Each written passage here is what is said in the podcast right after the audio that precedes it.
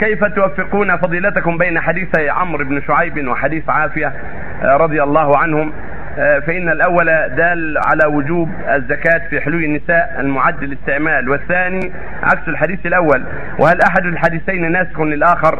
وهل القول بالطعن في حديث عافية خاف على الأئمة الثلاثة وجماهير العلماء؟ وهل تدون فضيلتكم آه، أن حديث عافية ترون. ترون فضيلتكم أن حديث عافية غير مطابق ومتفق؟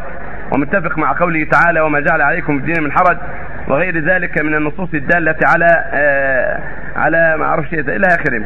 ألا ترون فضيلتكم أن القول بذلك فيه مشقة على النساء المزكيات لحليهن المعد للاستعمال مع علمكم أن مضي الأعوام طويلة عليهن يدفعن الزكاة يأكل ثمن ما لديهم آه، من الحلي مثلا.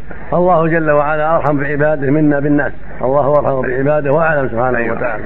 وهو أرحم الراحمين. وهو الذي شرع الشرائع جل وعلا. وأوجب الزكاة في الذهب والفضة وفي أموال الزكاة الأخرى. ليس أن أوجبنا أوجبها الله سبحانه وتعالى. حديث عائشة ضعيف لا يصح عند المحقق من العلم. وحديث ابن عمرو بن حديث صحيح جيد لا بأس به. وله شواهد صحيحة أيضا منها حديث ما جاء في الصحيحين. ما من صاحب ذهب ولا فضة لا يؤدي زكاتها إلا إذا كان يوم القيامة.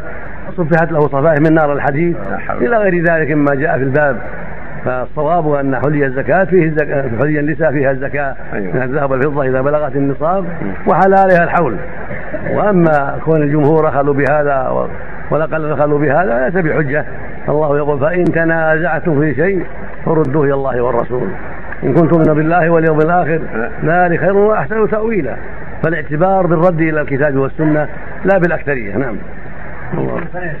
كل سنة نعم كل سنة نعم. على الزوجة على صاحبة الحلي. حتى إذا باعت منها ولا بقي إلا قليل ما في زكاة يعني ما بلغ النصاب لا تزكي. وإلا تزكي والحمد لله نعم. جارة كريمة